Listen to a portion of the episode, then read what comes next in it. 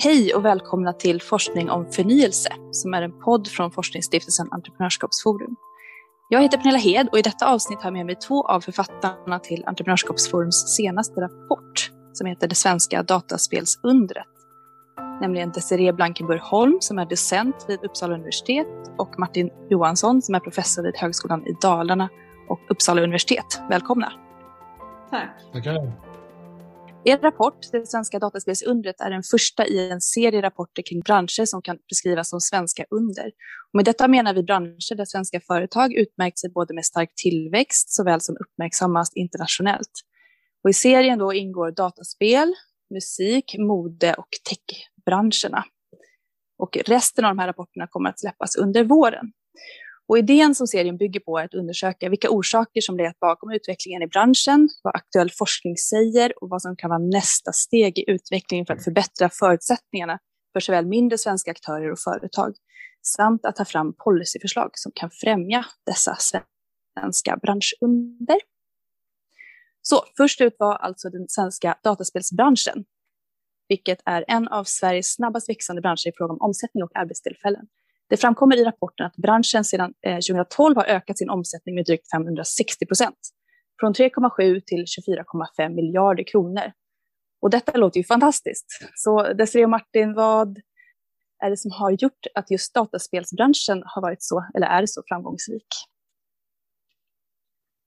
Eh, ja, Martin, du kan gärna börja. Ja, alltså det tror jag första är att eh, vi i Sverige har ett eh, entreprenörskapsvänligt och innovationsvänligt eh, klimat generellt. Vi har en välutbildad befolkning ehm, eh, och vi har en i grund och botten i vår kultur en eh, välvillig inställning till förändring, utveckling som då också innehåller teknisk utveckling. I många länder och många kulturer är man ju rädda för förändring. Man tycker det är obehagligt. Men vi är inte rädda för det, utan det finns i den svenska kulturen och speciellt i näringslivet en, en, en utvecklingsambition och en o, ingen rädsla för, för att utveckla. Sen så är det såklart också så att vi har haft ett väl digitaliserat samhälle tidigare. Vi var tidiga med internet. Vi var, ja, som är också en del av den här helheten som man kan säga går tillbaks ända till LM Ericsson och Televerket. Va? Och, eh, och som egentligen har att göra med att vi har varit duktiga på att bygga upp en, en infrastruktur eh, tekniskt. Och det där tror jag faktiskt går hela vägen fram till våra dagar. Så en kombination av klimat, eh, ekonomisk, eh, säga, ekonomiska betingelser och en historia. Det skulle jag vilja säga som är de tre huvudfaktorerna. Så jag blir inte förvånad om det kommer nya sådana här branscher som växer fram där vi är väldigt duktiga. Där vi snabbt hakar på mm, framöver. Ja, jag kan lägga till då lite Martin att eh, de senaste vad ska vi säga, senaste decenniet så har vi också haft en framgångsrik eh, högskoleutbildning kring eh, dataspelsutveckling. Och där har vi ju kunnat tillgodose eh, branschen med duktigt folk. Och eh, även om det också finns de som är så att säga autodidakta, alltså de har börjat i sin, i, i, i sin eh, spelvärld och, och, lärt sig den vägen. Men eh, jag tror att utbildningen har spelat en ganska stor roll, åtminstone på senare år skulle jag säga. Ja, där tror jag det är viktigt att betona att det finns ju ofta en tendens i de här sammanhangen när en bransch växer fram, en teknologi, att massa människor eh, tror att de har varit med och designat det här i någon form av eh, top-down design. Men det här är ju det här är någonting som har kommit underifrån. Och går man tillbaks kanske 20 år till, i tiden så var det ju så att det här var ju, det var en massa ungdomar som började med det här. Eh, och det är ju många generationer yngre än vad jag är. Så det var ju ingenting som man 1998 eller 2002 började designa från Vinnova, Tillväxtverket, Almi eller de där. De har ju snarare hakat på eh, och kanske har gjort det förtjänstfullt eh, när branschen redan har tagit fart. Så, och det här har också i sin tur skapat en, en, en lite speciell miljö, en lite speciell eh, klimat på den här marknaden. Som delvis gör att den, ja, den, är, den avviker, den är annorlunda eh, än många andra marknader, skulle jag vilja hävda. Mm, det är det klimatet, branschklimatet som gör just spelbranschen så speciell. Ja, jag tror i våra studier då av det här och vi har ju, vi kom ju, alltså vi är ju inte egentligen dataspelsforskare från, från början utan vi kommer ju från tillväxtstudier, in, internationaliseringsstudier, marknadsföringsstudier kan man säga. Och då betyder det att vi har en massa kunskaper om andra branscher. Och, och det jag kan se då när jag började studera det här, och du får väl lägga till sen Cissi, det var ju att eh, det är ett litet annorlunda klimat. Det är en ganska solidar, på, på en individnivå så är det en väldigt, eh, vad ska man säga, öppen och välkomnande miljö där man stödjer varandra, där man är närmast är solidarisk med varandra. Och det finns en väldig lojalitet mellan folk på individnivå eh, snarare än i förhållande till företag. Eh, och det innebär ju det att den här tilliten och lojaliteten den ökar på möjligheten att föra över eh, kunskap i olika, olika komponenter av kunskap och idéer mellan förarna. De, de förs mellan, mellan liksom kompisar så att säga inom citationstecken. Eh, det här får ju då också kanske konsekvensen att eh, lojaliteten, om man går tillbaka till ett gammalt brukssamhälle, där lojaliteten fanns mot bruket, så finns, det är mitt intryck, så finns det inte samma lojalitet mot företaget som finns i många andra branscher. Den här är lojaliteten på, mellan människorna mycket mer. Mm. Så skulle jag vilja säga.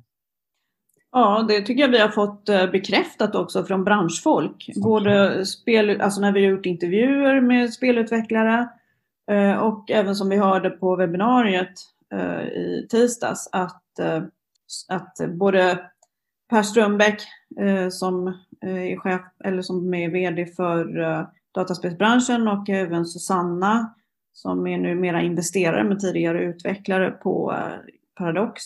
De, de liksom tar ju upp det här också som väldigt beskrivande för branschen.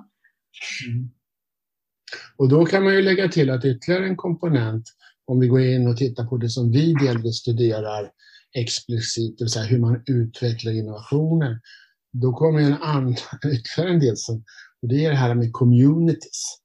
De här, så att säga, eh, samfunden, eller vad man ska kalla det för, av mm. användare, det vill säga konsumenter som vi skulle kalla det på andra branscher. Men här är det ju de som interagerar både med företagen och delvis driver företagen framför sig. Det är deras idéer, det är deras eh, observationer om vad som inte funkar i spelen, vad som bör kompletteras.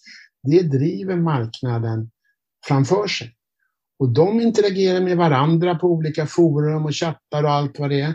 Och företagen har ju förstått att det här är ju en kunskapskälla. För att det är, in the end of the day, så att säga, det är ju ändå de som ska köpa spel. Så det är viktigt att de gillar det. Och där sker ett väldigt, eh, som jag ser det, unikt kunskapsutbyte mellan de som använder och de som tillverkar och utvecklar spel. Och det, det är ju inte så vanligt i många andra branscher på det här sättet. Nej, det är ju verkligen en kreativ och unik affärsmodell som finns inom spelbranschen. Eh, vad tror ni, kan den modellen kanske exporteras till andra branscher eller eh, kan den digit digitala omställningen i stort i samhället gynnas av att titta på spelbranschen? Ja, jag tror, och det tror jag eh, börjar synas i forskningsvärlden nu, att eh, man försöker eh, Eh, forska på det här också och titta på typiska, det man kallar för born digitals eh, branscher eller företag. Alltså företag som är sprungna ur teknologin, digitaliseringen har gjort det möjligt att, eh, att eh, jobba gränslöst. Det försöker man nu se, finns det möjligheter för branscher som inte är born digitals att bygga upp en sån affärsmodell. Så att, ja, det tycker jag eh, det finns stora möjligheter. Eh, och det kan vi se bara nu under pandemin eh, vi, alltså så många icke från början digitaliserade branscher som har fått eh, hoppa in och bli digitaliserade eller fått jobba med sina affärsmodeller för att möjliggöra helt enkelt eh, försäljning genom eh, digitalisering. Så att eh, ja, det, jag tror att det finns stora möjligheter eh, att sprida den här affärsmodellen i olika på olika nivåer, alltså det är fullt ut eller, eller eh, delar av det i alla fall. Ja, och då kan man ju se redan nu om man då skiljer, man kan ju liksom göra en distinktion mellan affärsmodell, teknologi och kultur. Och då tror jag att den här teknologin som används, om, om, om man liksom gör en grov förenkling av världen, den håller ju redan på och sprider sig. Och det kan vi ju se i form av det vi kallar för gamification alla vi som har barn i skolan vet ju nu att nu lär man sig att läsa, räkna genom att spela spel. Och det är idéer som är plockade rakt av från spelbranschen. Sen kan det mycket väl vara så att de här kulturella eh, alltså den här miljön, där, kreativa, eh, samförståndsinriktade communities, det kanske inte förs över till alla branscher där man anammar gamification. Men eh, tekniken absolut. Eh, hela turismbranschen. Eh, och jag tror säkert det kommer komma in väldigt mycket senare i offentlig förvaltning, kontakter med skattemyndigheter, andra myndigheter.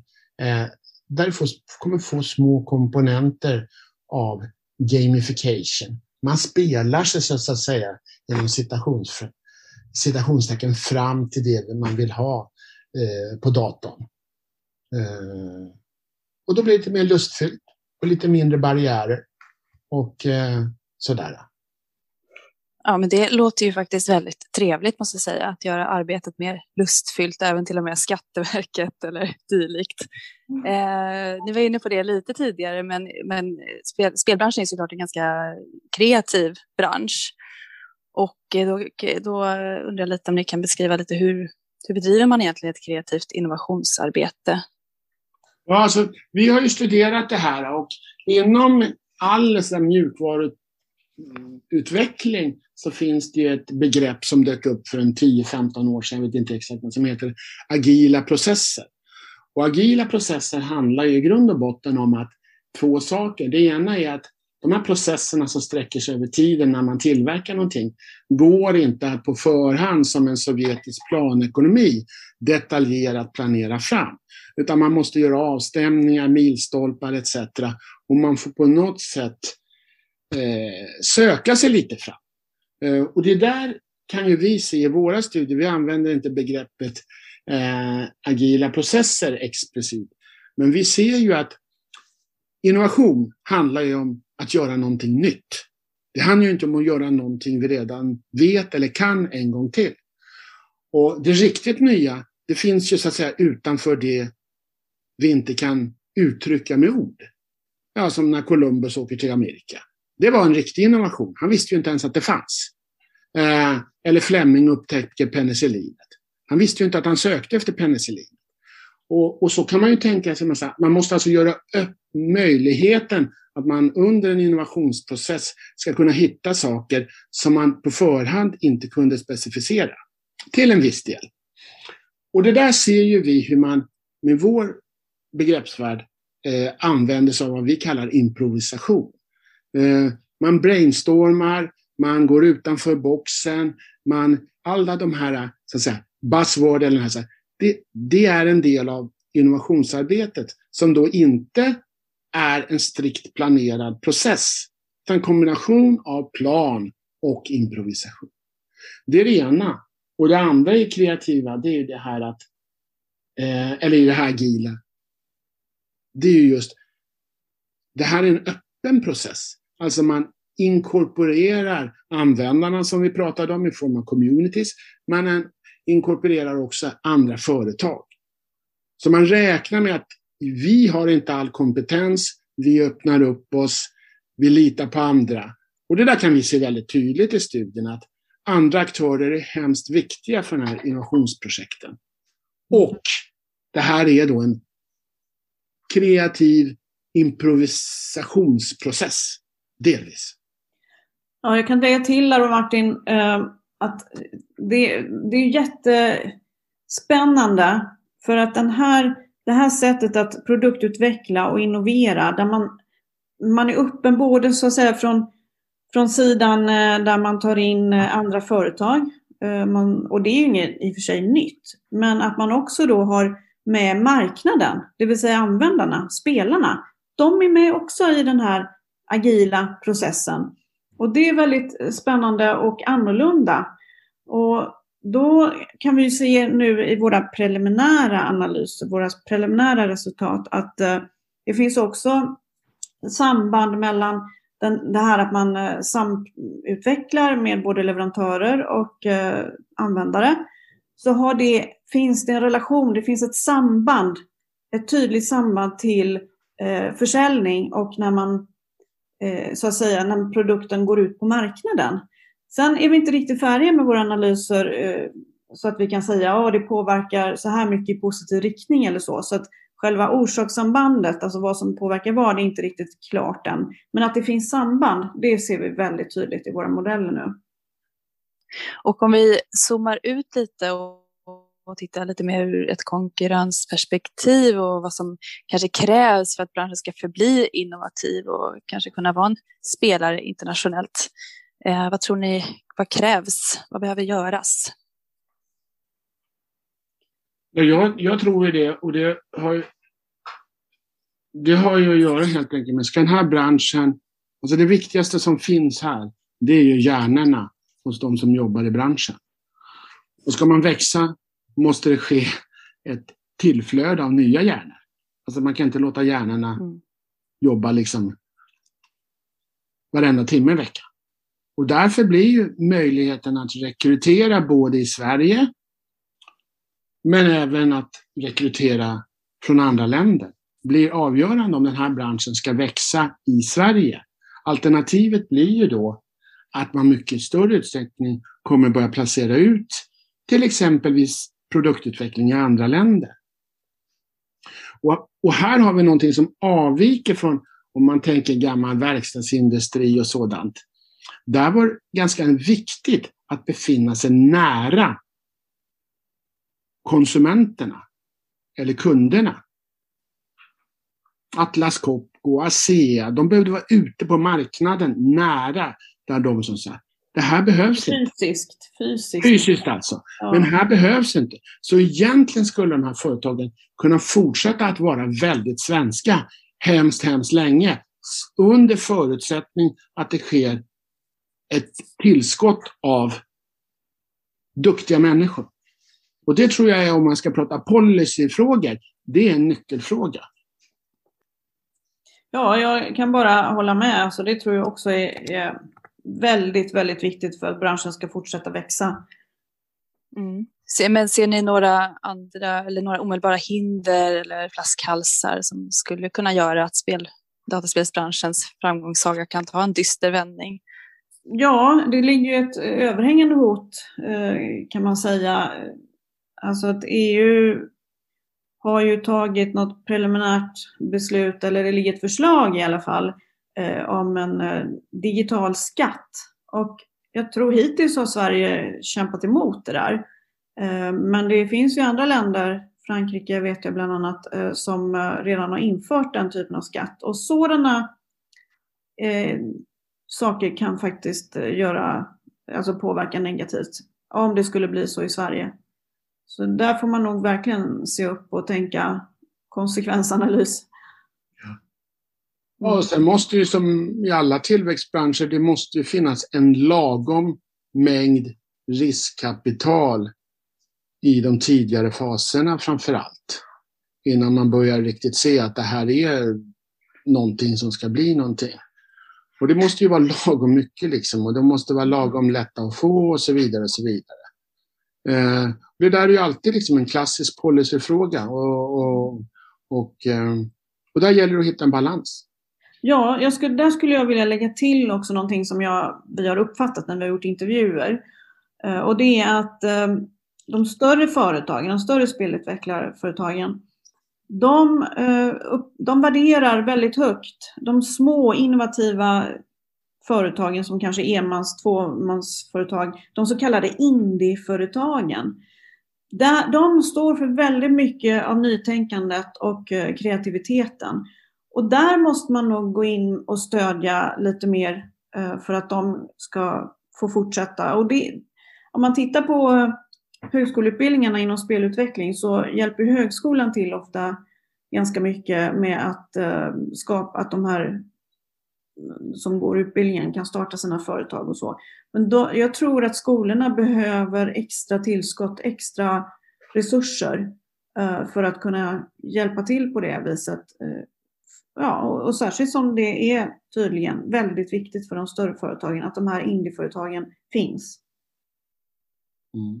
Just det, och när vi är inne på utbildningssidan, eh, ser ni någonting som skulle kunna förbättra den utbildning som finns inom dataspel i Sverige idag eller någonting som kanske kan komplettera eh, utöver utbildning?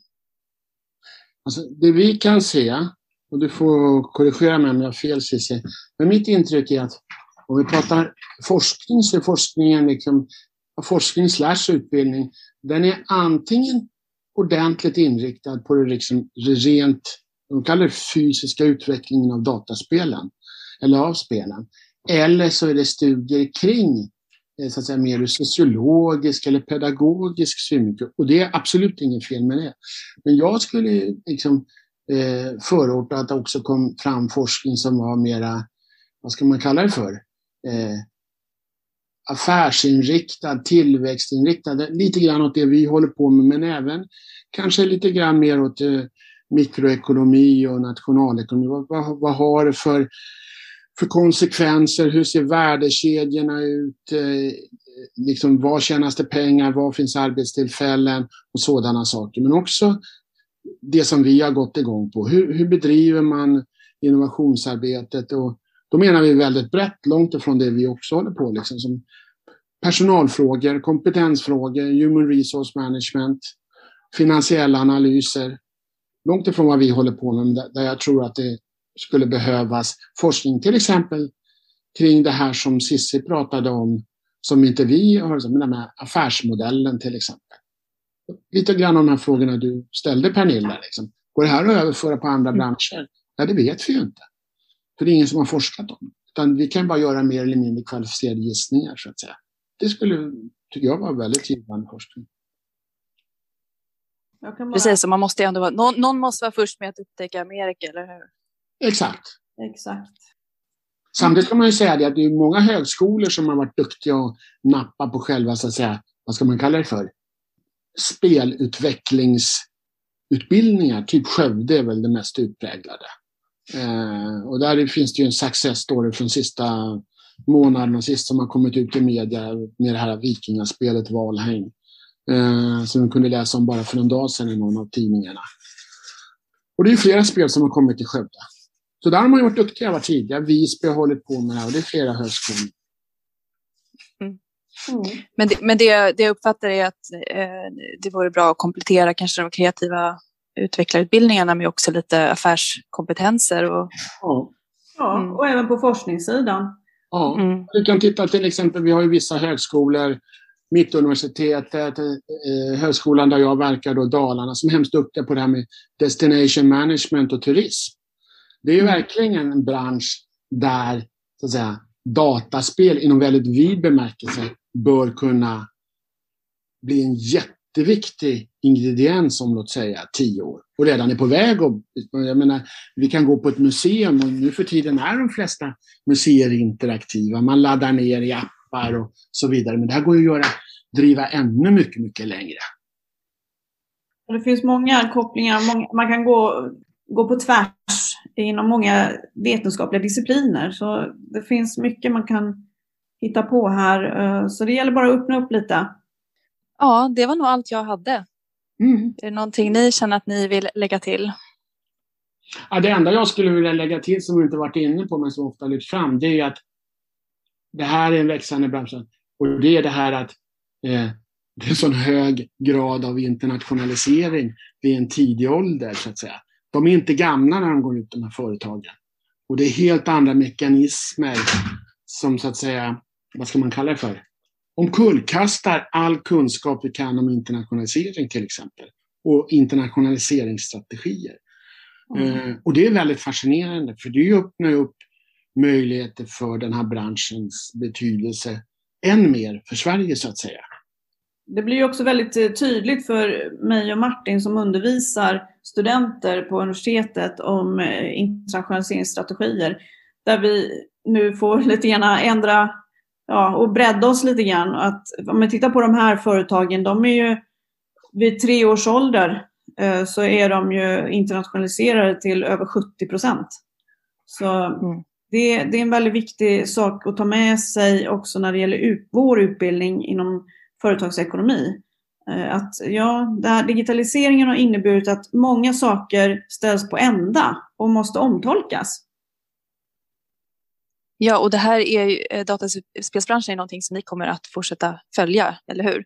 Ja, oh Med ja. en pågående studie. Och så Ja. då har vi möjlighet att äh, återkomma till dessa frågor lite längre fram. Så det ser vi fram emot. Och, eh, så jag skulle vilja tacka er för att ni var med i vår podd. Och eh, rapporten Det svenska dataspels, dataspelsundret finns att ladda ner på Entreprenörskapsforums webbsida. Och dessutom kan jag tipsa, på, tipsa om att hålla utkik efter de kommande rapporterna i serien om svenska under. Och då är det alltså musik, mode och tech kvar. Så stort tack till dig som har lyssnat. Stort tack Desiree och Martin. Tack ska du ha Pernilla. Tack, kul.